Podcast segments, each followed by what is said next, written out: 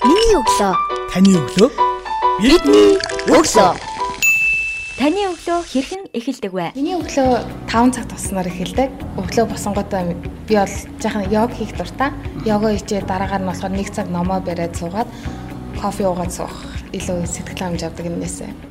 За миний өглөө бол за би нэг хэдэн 2 3 жилийн өмнө бол би өвжгэн жүжгэн гэдэг нэртэй өглөөний клуб байгуулж ирсэн. Тэгэхэд бол баг 5 өнгөрөөгөө сэрээд бид нэ 6 цагаас клубтаа уулзаад ингээд эхэлдэг байлаа. Миний өглөө тэгэл хичээлдээ явхаас тэгэл эхлэндээ. Өглөө босоод би ерөөсөө нэг 10 минут гимнастик хийд. Энэ бол скипшл болсон зүйл. Олон жил болж байгаа. 10-аас 15 минут гимнастик хийгээд тэгээд цайгаа угаад тэгээд ажил руугаа хөдлөнө. А би өглөө бол өглөө болгоно яг тогтмол 7 цагт босдог. Шөнө 12 цагт унтдаг. Миний өглөө ер нь 6 өнгөрөөж босоод өглөөрт цайгаа уучаад ажилдаа явахаас эхэлдэг. 6:30 гээд ер нь босдог. За тэгээ босчоод яг нэг өглөөд бол нэг юм дасгал хийдэг л дээ. Одоо нэг өөрийнхөө хичээлжсэн төрлүүдээр хоёрын спортын нэг цөөн хэдэн төрлөөр. Аа өглөө босоод хамгийн түрүүнд нэг 15 орчим минутын дасгал хийдэг. Тэгээ йоганы дасгалууд хийн. Аа тэгээд дараа нь ер нь өглөөний цагаа алгасахгүй байхыг айгүйх боддог. Тэгээ сүүлийн нэг 2 2 жил бол ер нь их сайн уудаг болсон байнга уудаг. Хүн бүхний өглөө өөр өөрөөр эхэлдэг. Минийх, таних, бид бүгдийнх. Яг л үүний адил бидний хүсэл тэмүүлэлч өөр өөр. Тэр хүсэл тэмүүлэлд хүрэх арга зам бас л өөр. Гэхдээ амжилтанд хүрсэн алдартнуудын амьдралын зам тэмж дардан байгаагүй. Тэд өөрт оногдсон цаг хугацаанд хүсэл тэмүүллийн төлөө цаг минут тутамд хөдөлмөрлөж бидэнд дурсагдах алдрыг хүртсэн. Үе тэнгийн залуус юу хийж бүтээж бидэнд тэгш заяагцсан тэрл цаг хугацаанд юуг бодож юунд тэмүүлж явдгийг миний өглөө цуврал подкастаар дамжуулан бусад залуус түргэж урам зориг хүсэл тэмүүлэл бэлэглэх зорилготой билээ. За сонсогч та бүхэнд миний өглөө сурал подкаст Хүсгэл аймгийн мөрөөд зохион байгуулагч байгаа сонирхчдын бадминтоны улсын аврах шалруулах тэмцээний талаар олон хэмжээний мастер Солзаэтэй ярилцаж билэн болсон байна. Танд энэ өдрийн мэндийг хүргэе.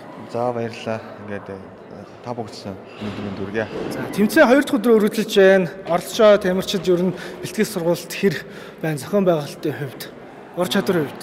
Энэ жилийн зохион байгуулалтын дээр бас ялгаа гарсан л да. Яагаад гэвэл а 2 2 насаараа нэг нэг өдөр болгочихж байгаа. Тэгээд өнөөдөр 40 нэмэх 50 нэмэх гэдэг англи маань явагдаж байна. Тэгээд аймагуд бол хүчтэй байна уу? Айгу хүчтэй орж ирсэн байна. Бэлтгэл сургалтаа ч гэсэн сайн хийсэн.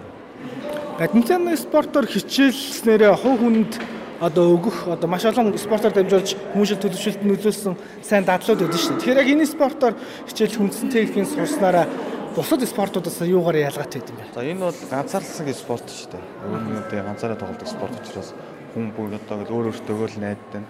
Энд ингээд за хүний биед ямар хэрэгтэй вэ гэх юм бол одоо хүний бүх булчингууд ажиллана.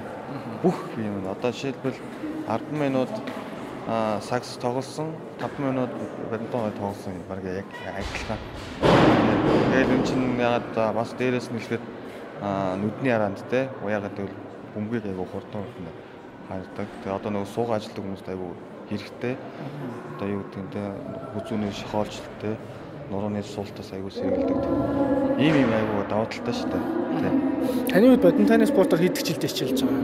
За би 2000 2 биш 2000 оноос хойш л ер нь явж байгаа. Одоо болохоор ер нь бол тасалжуулагч хийж байгаа. Тасалжуулагч хийж байгаа. Тамирчдын ур чадвар хэр байна? Оо, тамирчдын ур чадвар бол мэдээж сайн байлгүй яг хоо. Одоо ингээд хотод Улаанбаатар хотод манад одоо шилбэл манайхтаа нэлээд ч юм уу те 7 клубтай болж байна. Долуулаа бас те мэрэгжлийн тасалжуулагчтай. Тийм мэрэгжлийн тасалжуулагчтай болно гэдэг ч мэдээж техник бол мэдээж сайн байна шүү дээ. Нийлтийн дараа олон сүншний маструуд үзүүлэн тоглолтод олонний анхаарал их татлаа шүү дээ. Тэгэхээр яг та бүхэн одоо энэ тоглож байгаа тоглолчоос танд та бүхний харуулж байгаа техник скилүүд бол харах харагдахгүй л байна л да. Та нарын тоглолт нэр зэрэг араараа авдаг, салтаан дундуура авдаг, янз янзын лавлтууд харагддаг хөл өмгөөр бол классик үзүүлбэрүүд харагдаж шүү дээ. Иймэрхүү ур чадварыг эзэмшихийн тулд тухайн одоо бидний сонсож байгаа бадминтон хичээлж байгаа сонирхож байгаа хүүхэд багчууд байх юм бол тэр удаан бэлтгэл хийснээр тэр уур чадварт хүрэх вэ? Ер нь бадминтоны спортоор анхны хичээлж байгаа юунаас эхлүүл зүгээр вэ? Ер нь бол мэдээж анхнаа хичээлж байгаа одоо нэг зориод хичээлж байгаа хүмүүс мэдээж л одоо яг анхнаасаа техникээрээ зугаалж байна. Одоо жишээлбэл бадминтоны хувьд гэх юм бол аркетийнхаа барилтаас ахуулаад тэгэл хөлний шилжилттэй Биднээс бүр гол юм нь болохоор хөлийн ажиллагаа. Тийм одоо ингээд динэгээс сурах хэрэгтэй. Тэгээд дээрэс нь одоо нөгөө нэг классик мэдээж цогцолтууд чинь мэдээж олон жилдээ бэлтгэл сургалт хийсийн дараад мэдээж одоо одоо юу гэдгийг жишээлбэл бэлтгэл дундуур хаяадаа л нэг цогтдог юм шүү. Тэрний тэрнээс бол тэрийг бол байн гол байгаа байх шүү. Яг одоо тэмцээний уралдаан дээр бол яг нээлттэнд зориулсан тоглолт мэдээж тэр бол мэдээж хүмүүсийг те хөгжин зугаацуулна те тийм зорилгоор тийм бас юм дэс хийдэг. Гэтэ тэмцээний дундуур яг ингээд амжихгүй байгаа тохиолдолд бас ар мараараа хамгаалдаг л та. Гэтэ тэр бол мэрсэр л байдаг. Маш их хурд хүч тэнцвэрийн спорт юм шиг. Би анх удаа баг үзэж байгаа байхгүй. Та хэд нээлтийн тоглолтыг үзчихээд бүр ингээд гайхаад анх удаа гэхэд ерөөдөө тухайн спортыг ойлгохгүй байх тохиолдол их шүү дээ. Тэгээ шууд дуурлаад баг хичээлж эхлэхээр бид нар чинь хүүхд тахтаа нөө цуслан дээр агарын тэнцэх тоглолт шүү дээ. Тэгээ тиймэрхүү төрлийн ер нь агарын тэнцэх тоглолтын чинь бадминтон сурчих юм болоо да гэсэн ихтгэл өмшил бол төрсөн шүү. Тэгэхээр жилээс жил бадминтоны спортоор хичээллэх залуусын тоо тогтмол өсөлттэй байна уу? Ер нь сургалтын арга барил дээр яаж анхаарч Монгол засаж болох клубүүд хичээлж байгаа вэ? Одоо жилээс жилд мэдээж өсөж байгаа л да одоо Улаанбаатар хот чинь 2020 онд хон гэхэд Улаанбаатар хот чинь нэгэн клубтэй л шүү дээ. Одоо бол Улаанбаатар хотод бол 7 клуб гэдэг чинь мэдээж хурдцтай хөгжиж байна. Тэгээд сургалтын арга барил гэх юм бол мэдээж а одоо сошиалар те юмудаа бэлдэн, юунд хэрэгтэй вэ гэдэг юмудаа бэлдэн. Тэгээд мэдээж нөө хүнээ дагаж бас хүн ирдэг те. Тиймэрхүү байдлаар бас хүмүүсээ бас татна, сошиалар бас юмнуудыг хийн.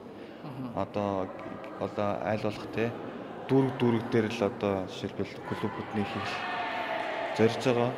Манай Монгол коучдэр яг Улаанбаатар хот чинь мэдээж гол асуудал гэх юм бол төгсрөл өгдөн шүү дээ тий. Тэгэхээр одоо мэдээж гэртээ гойхон газар хүмүүс одоо явах айгуу дуртай болсон шүү дээ. Юм юм. Яг энэ дээр бас аягүй ажиллаж байгаа.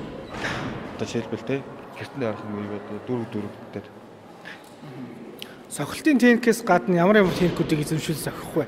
Энгийн элементүүдийг та зааж өгвөл. Би халаалтаас эхлэв. Аа тийш одоо тэгээд би халаалт ус эхлээд одоо мэдээж тамирчин хүний гол дайсан бол мэдээж бэртэл гимтэл шүү дээ тий. Мэдээж одоо тэрийг нэсэн суул гэж байна. За бид нар ингээд би халаалт хийснээрээ яах уу гэдэг эхлээд хүмүүсээс асуулт дээ. За ямар учраас ингээд би халаалт хийж байгаа юм бэ? Яагаад гэж. Аа тэгвэл тэр хүмүүс ойлгоод ойлгоод айгу ингээл дуулууртаа ч юм уу те. За мэдээж би ялалтын сагтлан хоёрдугаар гэх юм бол зөв барилтаа сая тэглэн те. Одоо мэдээж энэ нэг техник аягүй шаардсан учраас энэ одоо гал бидний савуулт юм уу те. Тийм хүмүүдээ за тэгээд дээрэс нь одоо жишээлбэл хөлийн тавилт те. Хөлийн тавилт мэдээж одоо зөвд тавихгүй бол одоо бас хөлөө гимтэх магадaltaй байдаг. Тэр талаас нь аягүй анхаардаг.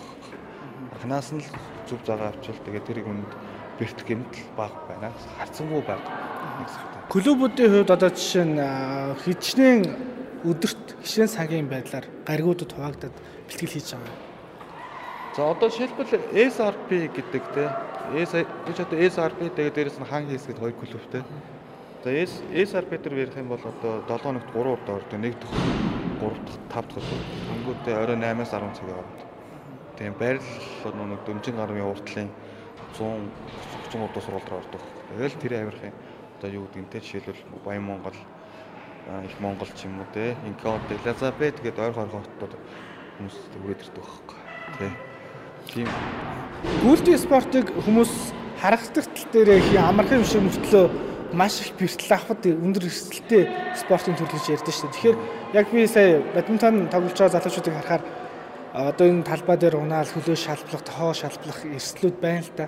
Тэгэхээр бас яг энэ бадминтоны спортоор хичээлж байгаа хүмүүсүүд бэртэл гэмтлийн үед ямар төрлийн гэмтлүүд авч байна? Одоо мэдээж одоо хөлөө буруу тавьсан сош хөлөө хазах ашигнтэй одоо нэг гიშгэн гэж ярьдэн шүү дээ. Хөлөө буруу тавиад гიშгэн 2 дугаар шөрөмсний бас асуудал аяг юм. Шөрөмсөө халаагаа өгөх тохиолдол гинт ачаал өгөөд мэдээж энэ хөлний хөлн дээр гинт ачаал аваад хөдөлдөг болохоор энэ бол тийм юм жоо яагаад харагдаад байна. Бусдаар бол гайгүй. Тий. Тий. Энэ удаагийн тэмцээнд танаа клубээс бол нэлээд өргөн бүрэлдэхүүнтэй орж байгаа юм билий. Нээлтээр бол баг бүгдөө баг нийт жигсэн жигсэгчнээс хамгийн олон клубын төлөөлөлд орж байгаа танаа хамт олон маш их харагдсан. Одоо эхний хоёр өдрийн байдлаа ямар хэмжилттэй явж байна? За эхний хоёр өдрийн байдлаар бол гайгүй шүү. Одоо нэг э, манай нэг дөрвөн одоо дөрвөн одоо төрөл дээр одоо финалд үлдсэн байгаа. Тэгээд өчтөрийн байрлалаар хоёр хоёр хүрэл медаль авсан байвчлаа. Өнөөдөр одоо жишээлбэл бас финал үлдсэн хэр чи одоо мөнгөн медаль авах нь тодорхой болсон гэсэн. Тий, тодорхой болсон гэсэн. Дөрвөн дөрвөн финалтай гэсэн. Одоо чи мэдээж багийн нийлбэр дүн гаргаж одоо шилж явах цом мөнгө нь мэдээж одоо одоо бүх аймагуд болон бүх клубүүдийн зорилго цом авах зорилготой ирж байгаа шүү дээ. Ямар ч нэг цомны төлөөлөл үзэн дээ гэл. За амжилт хүсье цамаа аваарай. Баярлаа.